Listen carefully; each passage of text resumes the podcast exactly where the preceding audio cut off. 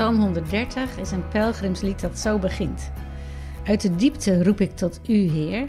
Heer, hoor mijn stem. Wees aandachtig.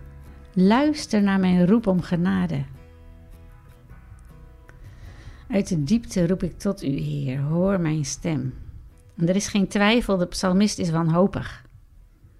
We weten niet wat de oorzaak is van zijn pijn maar het bracht een schreeuw voort die diep uit zijn hart kwam. En als we lijden of pijn hebben, komen we bij de dieptes van onze geest. Dan zijn we bij het hart van dingen. En we zijn dichtbij waar Christus was aan het kruis. En als we pijn en lijden ervaren, is dat een eerste, is een eerste stap het onder ogen zien en ervaren. Ontkenning van pijn is een poging om bij de werkelijkheid weg te gaan. Heel begrijpelijk, want we willen allemaal pijn vermijden. Maar als je het helemaal afpelt en het betrekt op de relatie met God, zeg je eigenlijk: God is niet in staat om mij vast te houden, te midden van alles wat er gebeurt. En de Israëlieten hadden eigenlijk een hele realistische kijk op het leven. Die benoemden ook de, de pijn en de moeite. En dat hebben wij ook nodig. En het lijkt erop dat de psalmist zijn eigen zonde ziet als reden waarom hij pijn ervaart. Vers 3. Als u, Heer, alle zonden bijhield, wie zou dat overleven? Hij is zich bewust van de grote kloof die God en mens scheidt en realiseert zich dat er geen hoop voor hem zou zijn als God hem erop zou afrekenen. Maar dan komt er een prachtig woord. Maar bij u is vergeving. Daarom is er ontzag voor u. Vers 4.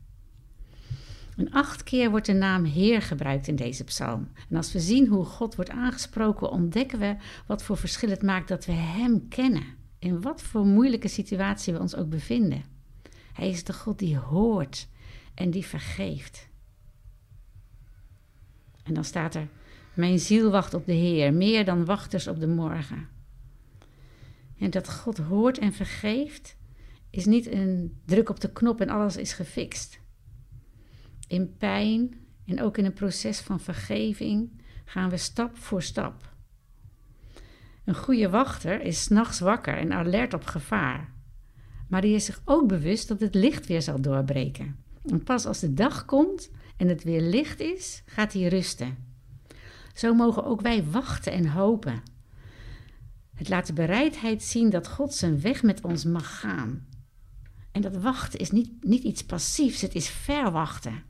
We mogen verwachten dat God ons door pijn heen helpt. Of het nu door eigen zonde komt, of door verdrietige keuzes van anderen, of door ziekte of door dommigheid, God helpt. We mogen ons verheugen dat ons wachten op God vol hoop en verwachting is. Heer, we prijzen u dat u die God bent die we mogen kennen. Amen.